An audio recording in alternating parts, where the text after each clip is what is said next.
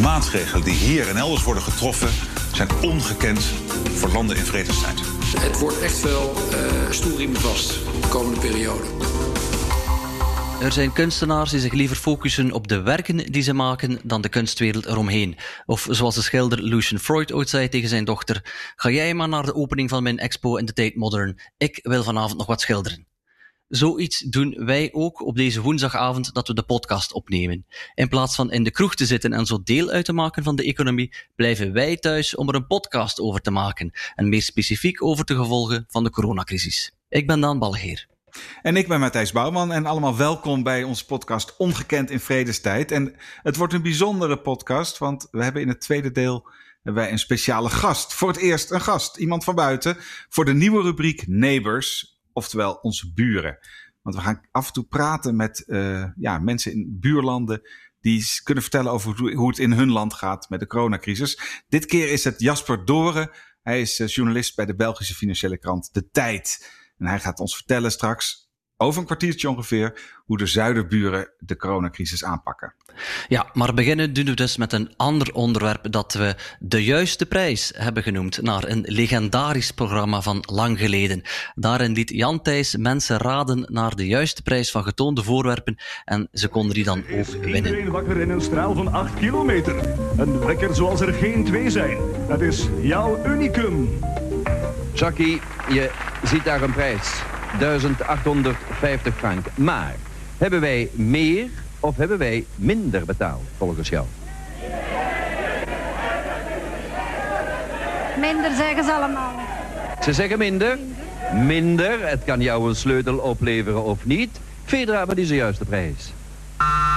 Ja, dat is de VTM, Daan. Dat is uh, de juiste prijs. Waar wij hadden in Nederland hetzelfde programma, maar bij ons heette het Prijzenslag met Hans Kazan.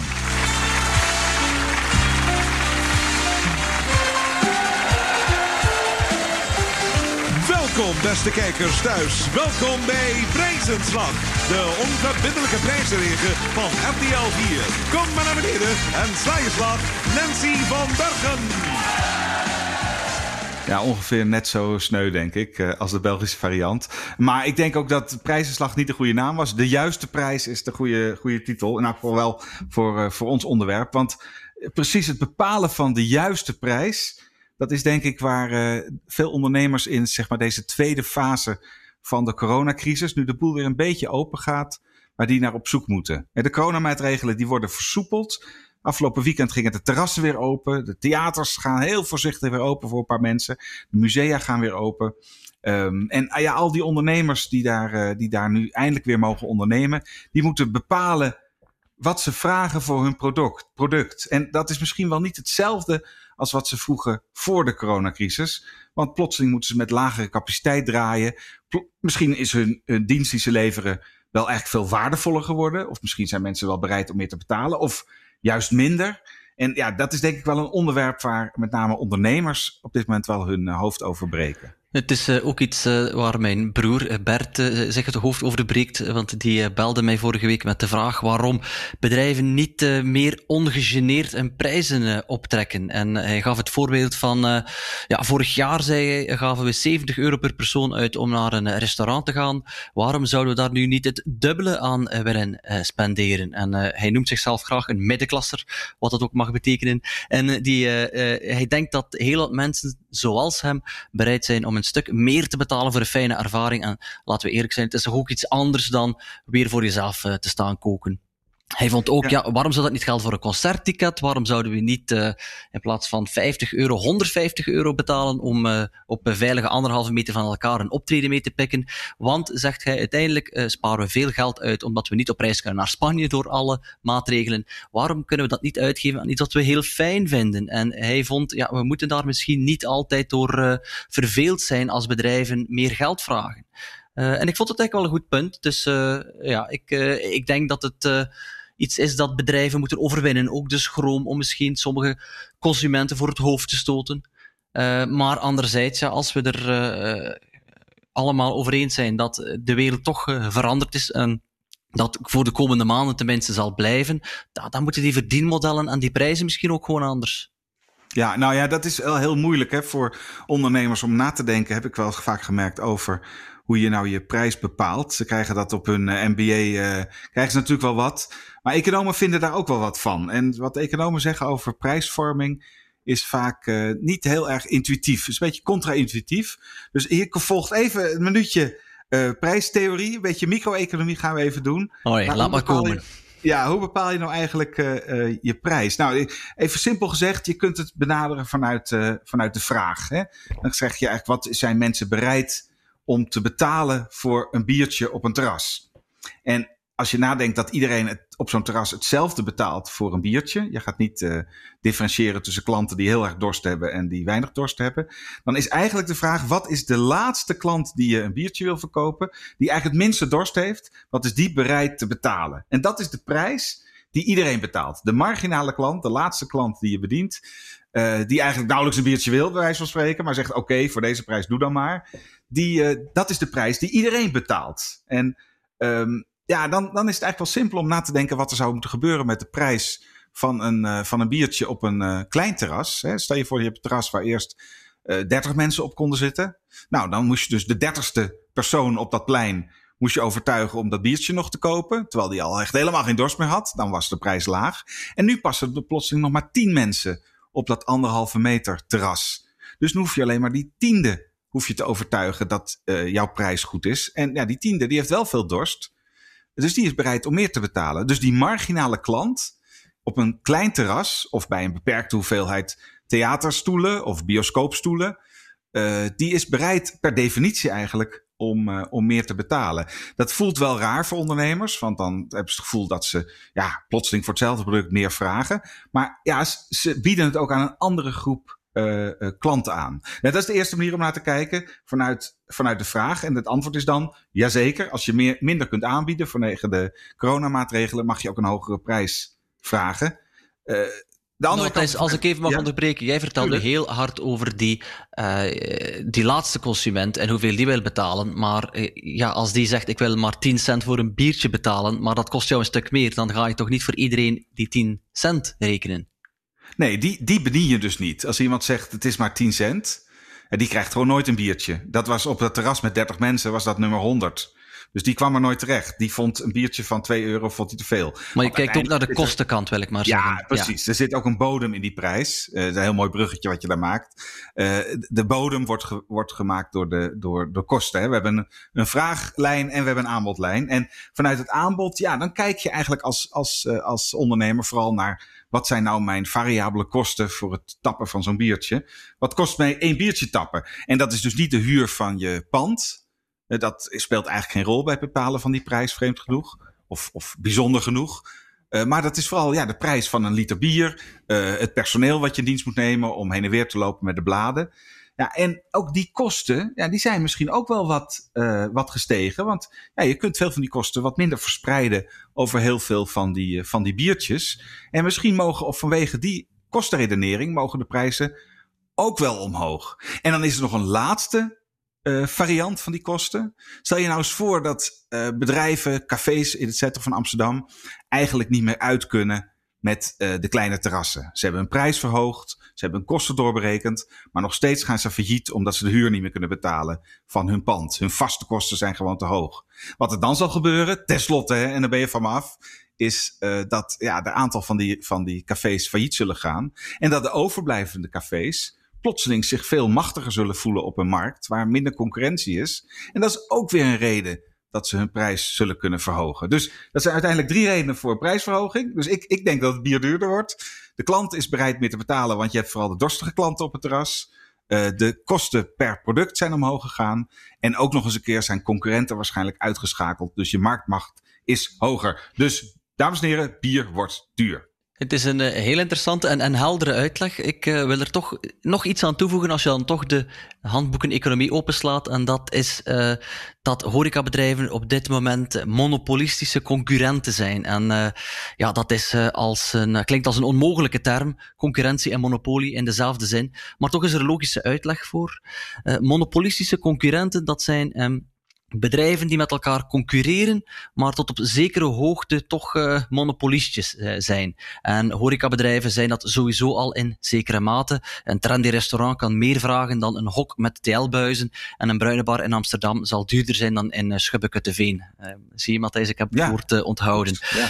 Maar nu is dat dus nog meer dan vroeger. Hè. Wat jij daarnet zei Matthijs, het aantal plaatsen in een kroeg is flink gedaald. En er zijn in gemeentes met 10.000 inwoners pak en beet maar zoveel kroegen. En als we daarvan uitgaan dat de vraag naar cafébezoek even groot is, dan zijn er dus meer plaatsen gewenst dan dat er voorhanden zijn. Een uh, cafébaas kan dus met andere woorden zijn opbrengsten vergroten door de prijzen op te trekken, wat jij uitlegde. Ja, natuurlijk zullen er dan klanten afhaken, maar dat geeft eigenlijk niet zolang er genoeg zijn die overblijven, die wel meer willen betalen. Ja, als je het dan echt te bond maakt, dan nemen mensen de auto en gaan ze naar een andere stad. We moeten voorbij die schroom, of ondernemers moeten voorbij die schroom, om hun prijzen te verhogen. Uh, het FD had uh, twee weken geleden een verhaal dat erover ging dat ze ja, er heel veel moeite mee hebben. En in sommige gevallen is dat uh, terecht, in andere is veel minder. Uh, sommige bedrijven hebben uh, maar al te goed weet van de marktmacht die ze hebben, of de prijszettingsmacht in economische termen. En dat is bijvoorbeeld het geval bij de producenten van webcams, want die kosten plots twee keer zoveel als voor de crisis. Ja, mensen hebben op dit moment gewoon andere hulpmiddelen nodig. En als ze dat op korte termijn willen en de vraag is heel groot en het aanbod kan niet op tijd volgen, dan krijg je gewoon hogere prijzen. Uh, een ander element dat meespeelt, denk ik, is dat bedrijven moeten kijken naar wat er breder speelt dan hun eigen prijzen. Uh, een vlucht naar Madrid en terug kost straks misschien wel 300 euro in plaats van 150 euro voor de crisis. Dus dat komt duurder uit. Maar ja, de hotelkosten in Madrid zullen vermoedelijk een stuk lager zijn dan, uh, dan, dan toen. Dus misschien komt je reis, als je alles samentelt, zelfs goedkoper uit. Dus daar moet een uh, luchtvaartmaatschappij misschien ook maar eens rekening uh, mee houden. Ja, de, de luchtvaartmaatschappij kan dus een deel van de winst van het hotel echt naar zich toe trekken. Ja. Om toch die, nou ja, van niet van de winst, maar van de omzet. Om toch die, die halfgevulde vliegtuigen nog te kunnen laten vliegen.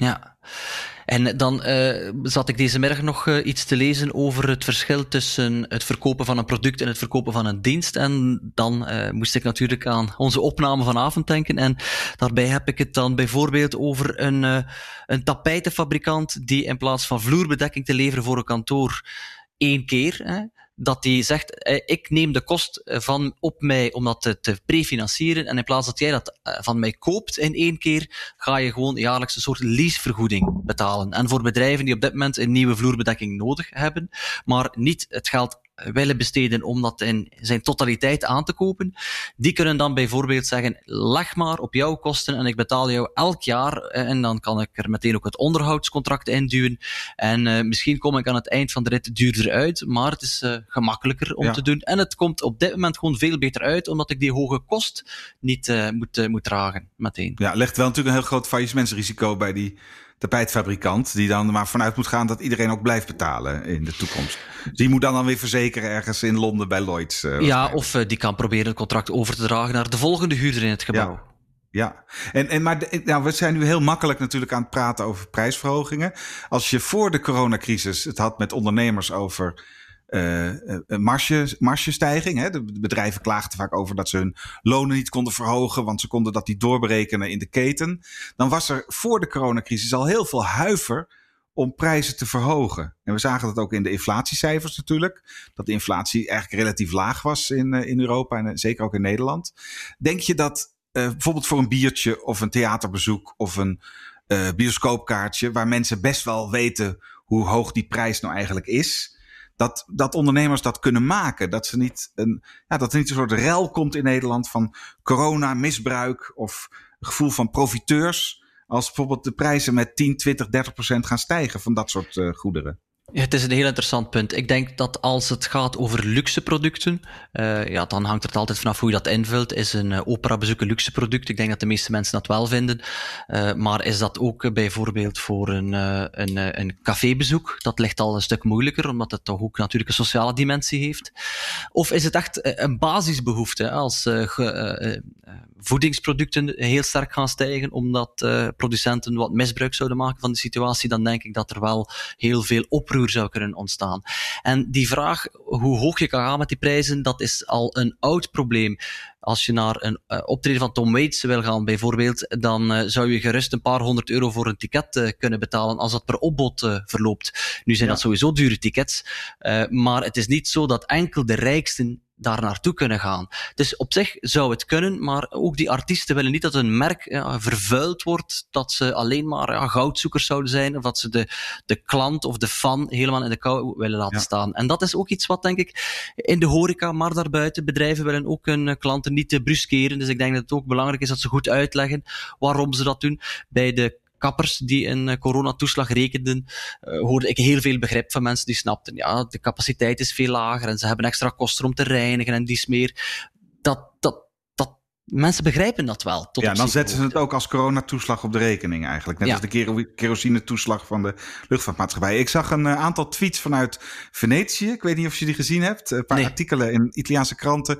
Waarin voor uh, twee flesjes bronwater en twee uh, koffies uh, geloof 46 euro werd gerekend op het terras in Venetië.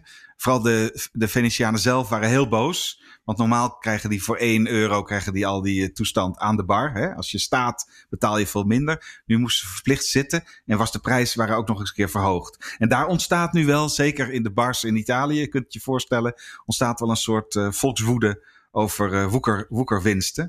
En ik denk bijvoorbeeld ook in Nederland in het OV, dat het een, een, wat jij net zei over dat het moeilijk is om prijs te verhogen. Dat je in het OV zo duidelijk veel meer dienst krijgt. Een hele eigen trein met eigen coupé en altijd een zitplaats voor de oude prijs. Maar toch zullen ze niet kunnen maken om de prijzen daar uh, serieus te verhogen, denk ik. Maar Matthijs, het zijn niet alleen bedrijven die moeten rekening houden met de prijzen die ze kunnen rekenen en of dat uh, anders moet. Dat geldt ook voor overheden. Uh, Lenin die zei ooit, uh, er zijn decennia waarin niets gebeurt en er zijn weken waarin decennia gebeuren. En dat hebben we toch de afgelopen weken gezien met die coronacrisis die zoveel veranderd heeft, maar die tegelijkertijd ook een opportuniteit is voor de overheid om de mix tussen belastingen en subsidies te gaan herbekijken. En het zou bijvoorbeeld een goed idee zijn om meer belastingen te heffen nu op ongewenste dingen, zoals emissies, afval, het verbruik van niet hernieuwbare grondstoffen. En uh, ja, dus alles wat je probeert te verminderen, in plaats van belastingen te heffen op wat je wil promoten, zoals arbeid, want dat uh, wordt binnenkort toch ook weer een, een aandachtspunt. Dus ja, sleutel aan het prijssysteem. Hoe kan dat dan concreet? Ik dacht aan een mogelijke maatregel, uh, namelijk de invoering van een kliketsysteem. Als benzine of diesel goedkoper worden, gaan de accijnzen daarbij bijvoorbeeld voor de helft van die daling omhoog.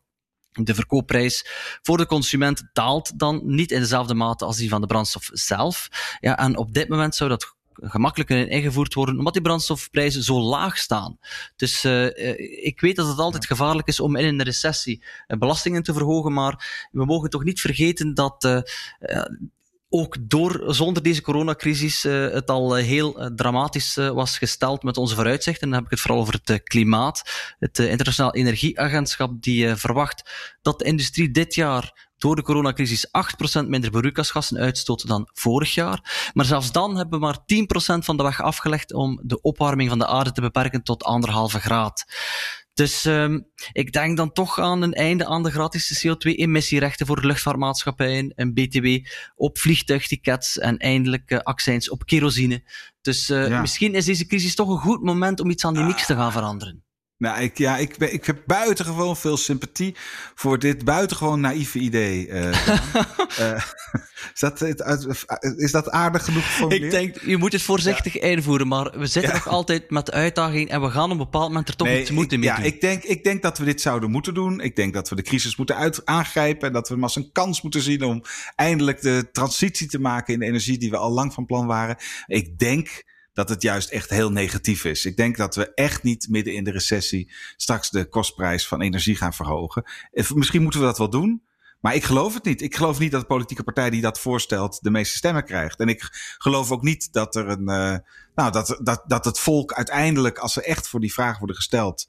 Wilt u de recessie dieper maken door nu de prijs te verhogen, de kosten te verhogen? Dat die dan zeggen: ja, laten we dat. Uh, laten we dat gaan doen. Bovendien, wat je net voorstelde over dat uh, kliksysteem, geloof ik, over, uh, ja, over kliketsysteem. Kliket, ja. ja. wat is dat?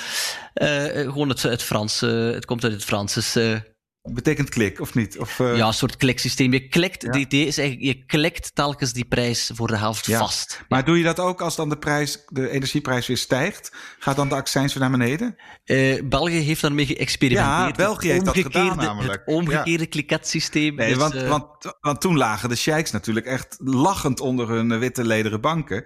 Want die zeiden van als wij de prijs van olie verhogen, dan pakt gewoon, pakt de, de, de Belgische regering, pakt daar de de, de, de kosten van. De, de vraag blijft gelijk, hoe hoog we de prijs ook maken. Want de accijns gaat omlaag. Ja, ik, ja dat, dat, en die kant moet je natuurlijk dan ook invullen. Ja, ik denk dat het natuurlijk belangrijk is om de koppeling te maken met de besteding van die uh, middelen. Uh, waarom zou dat niet kunnen gaan naar het optuigen van een waterstofeconomie bijvoorbeeld? Uh, ik sprak vorig jaar met Alexander Weerts van onderzoeksbureau Quintel Intelligence. En die zei daar iets over dat mij altijd is bijgebleven, namelijk dat er voor een waterstofeconomie visie en leiderschap van de overheid nodig is, want zei hij, anders zal het nooit lukken. En misschien is het voor Nederland wel een mooie oplossing voor de opslag van windenergie uh, op zee. Dus ja. uh, je, je, moet dan wel, ja. ik, ik, snap het, het, okay. mag geen, het mag geen budgettaire maatregel zijn voor de overheid. Het uh, moet wel degelijk gericht zijn op uh, economische activiteit, maar dan van een duurzamere vorm dan wat we proberen te vermijden. Ja. Nou oké, ik, ik, ik ben al, al uh, meerdere decennia, zo oud ben ik al, ben ik groot voorstander van uh, betere regulerende belastingen op uh, CO2 en op energieverbruik. Ik, ik denk dat dat de allergrootste verandering op, op gebied van, van klimaatbeleid kan veroorzaken. Dus ik ben voor. Ik ben alleen niet zo optimistisch dat, dat, ons, dat onze, deze crisis ons daar dichterbij brengt. Ik denk eerder dat het ons verder wegbrengt.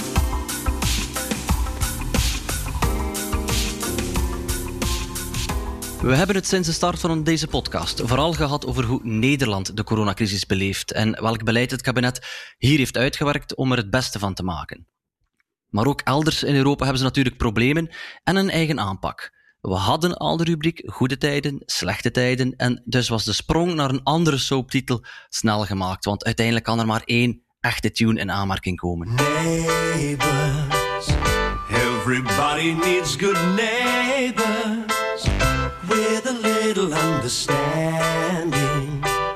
You can find the perfect place. Ja, en de eerste buurman uh, die we gaan spreken is Jasper Doren, politiek journalist bij De Tijd. Dat is zeg maar het financieel dagblad van, uh, van België. Welkom Jasper. Dag Matthijs, dag Daan. Ja, even, even een snelle korte eerste vraag. Ik zag op Twitter dat jij enthousiast uh, grensposten aan het uh, retweeten bent. Uh, grensposten tussen België en Nederland met daarop hopen grind, zeecontainers, bouwcontainers. Het is eigenlijk wel een hele droevige situatie tussen onze landjes.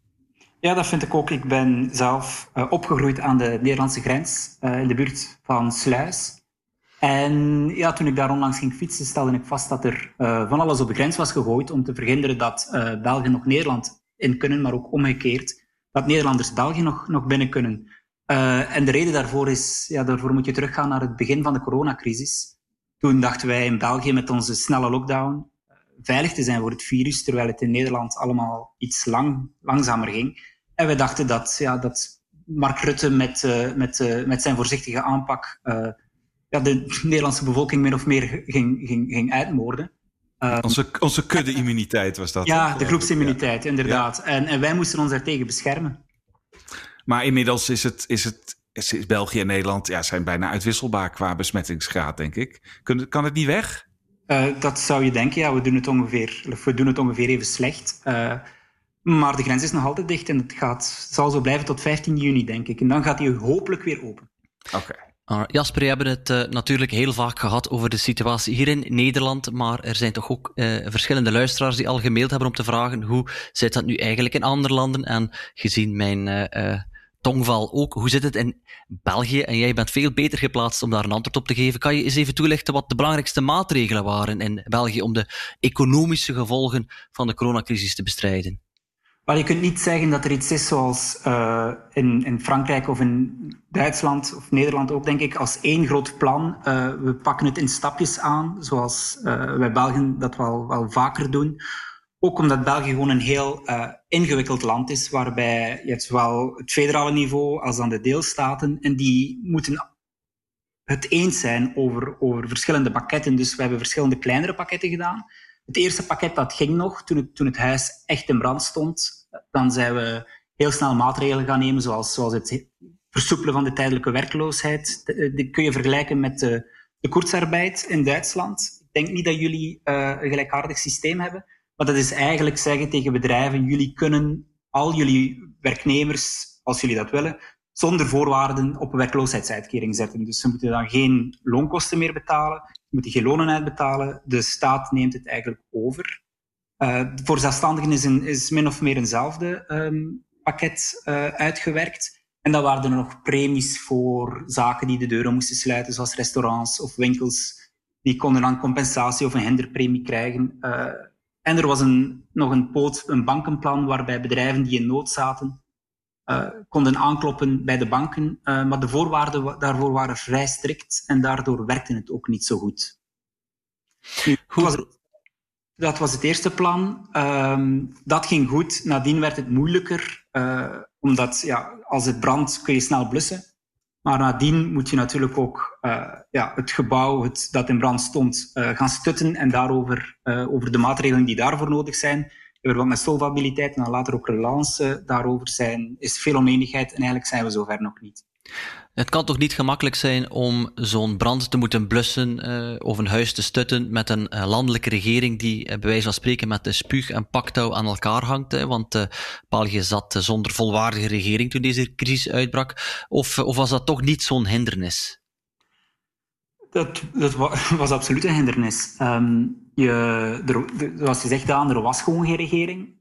Dus ze hebben snel, omdat het politiek wel doorhad van we kunnen deze crisis niet te lijf met een, met, met een regering in lopende zaken, dus een regering die geen meerderheid heeft in het parlement. Ze hebben geprobeerd om een, een volwaardige regering met een meerderheid in het parlement te vormen. Uh, dat is niet gelukt. Dus dan is maar beslist om de, de, de ontslagnemende regering, die eigenlijk nog daar zit op basis van de vorige verkiezingen, om die uh, tijdelijk steun te gaan geven in het parlement om uh, de coronabrand te blussen. Maar voor alles wat, wat ja, erbij komt, wat economisch ingrijpende maatregelen zijn, daarvoor heeft die regering eigenlijk niet de bevoegdheid. En daarvoor moet een nieuwe regering worden gevormd. En daar zullen we wel weer eventjes mee bezig zijn. Hoe, positief wordt uh, het pakket dat de regering heeft uitgewerkt onthaald, bijvoorbeeld bij werkgeversorganisaties? Zij waren van, die, van dat eerste pakket best tevreden. Maar de vraag is nu, ja, wat, komt er, wat komt er nog extra? Hè? Er, ligt, er ligt een pakket op tafel nu dat, dat verder gaat. Alleen wordt daar politiek heel hard over gediscussieerd. Dat is dan om het gaat er meer over dat je uh, bedrijven de kans geeft om op een, op een vlottere en goedkopere manier uh, kapitaal aan te boren, bijvoorbeeld vanuit de vanuit, vanuit uh, private investeerders. Um, maar daarover is dus nog geen beslissing gevallen en iedereen wordt stilaan wel een beetje ongeduldig, omdat bij veel bedrijven ja, het, het geld intussen echt begint op te geraken. Ja, hey, Jasper, je zei net iets interessants over ZZP'ers. Um, ja.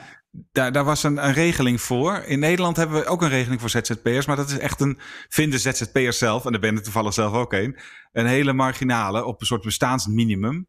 Wat krijgen ZZP'ers in, in België als ze geen, uh, geen werk kunnen doen? Zij, zij krijgen een vergoeding die, die beter is dan het bestaansminimum. Ik denk uh, als alleenstaande is het iets van een 1200 euro per maand. Dat is nog altijd geen, geen vetpot. Um, oh, dat is in Nederland bestaansminimum, hoor. ik bang. maar, ja, dat is ongeveer uh, wat ze hier ook krijgen, dus. Oké, okay, maar dat is meer... Sorry, dat is meer dan, um, dan, dan, dan ze zelfstandigen vroeger konden krijgen. Dus in die Oké, okay, ja. Vooruit. Het is wel meer, maar het is niet meer dan in Nederland. Dat, uh, dat snap ik. Ja. Hey, en en, en uh, België heeft natuurlijk een iets andere financiële situatie dan Nederland. Met een, hè, wij kloppen onszelf op de borst, in elk geval het ministerie van Financiën, dat we zo hard bezuinigd hebben en nu zo'n uh, makkelijk de staatsschuld kunnen laten oplopen. Zijn er zorgen in België dat al deze extra uitgaven gaan leiden tot een onhoudbare staatsschuld? Er zijn zorgen, maar die zijn niet, uh, zijn niet bij iedereen even groot, om het zo te zeggen. Er is nog altijd een, een, een dan nog meer in Franstalig België dan in Vlaanderen een soort idee van zoals een, ooit een, een Franstalige politicus het ooit opmerkte dat het gat in de begroting er vanzelf is gekomen en dat het vanzelf zal verdwijnen. Oké. Okay. Dat idee leeft nog wel altijd een beetje en um, je merkt nu dat het dat, het, het gat was uh, voor de coronacrisis ging richting de 3% van het uh, bruto binnenlands product. de verwachting is dat we voor dit jaar ja, dat we gaan, gaan afronden met een tekort van rond de 10 procent. Ehm, je zou denken dat het aanzet tot zekere budgettaire voorzichtigheid.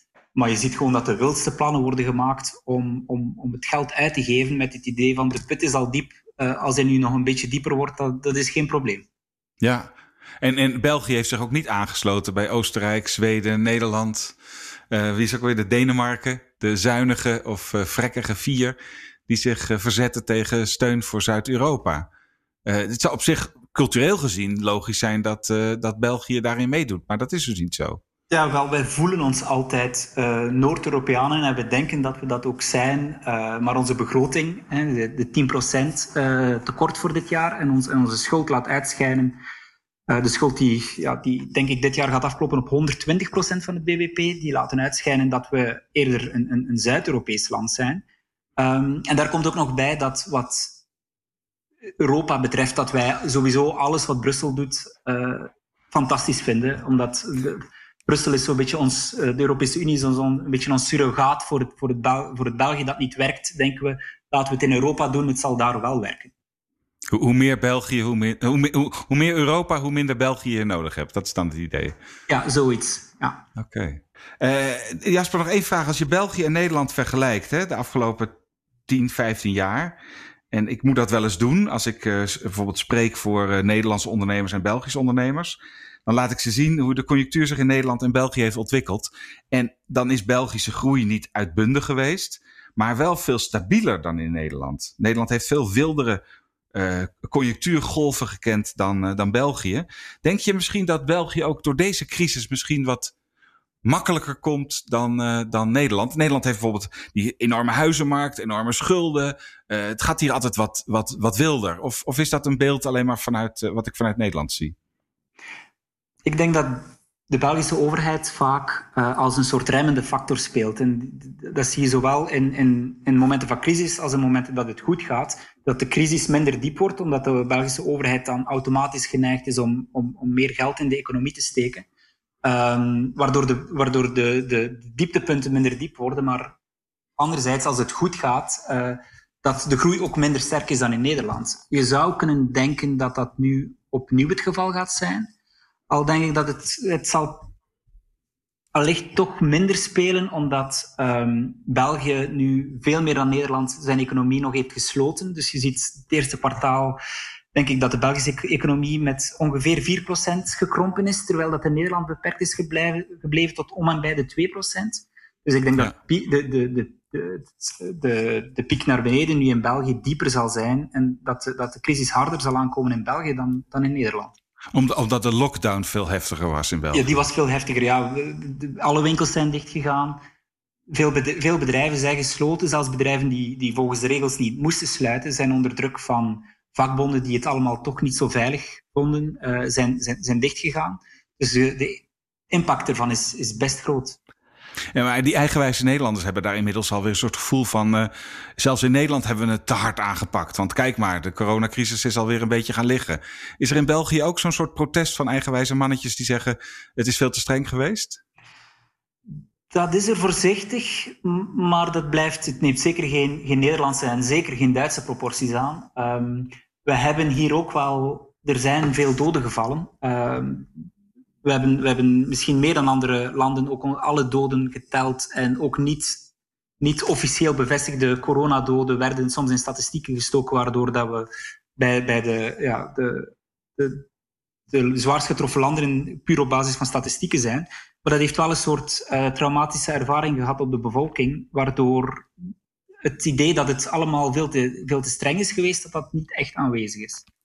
Ja, zo zijn we dan toch geëindigd met iets van de goede tijden, slechte tijden, een rubriek die we in andere afleveringen behandelen. Jasper, bedankt om in te bellen en te vertellen hoe het er bij onze zuiderburen aan uh, toe gaat. Ja, en u ook uh, bedankt om te luisteren. Als je onze podcast waardeert, vertel dat dan alsjeblieft door. Bijvoorbeeld door ons een rating te geven in je favoriete podcast-app. En natuurlijk kun je je daar ook abonneren. En dan hoor je ons volgende week automatisch weer.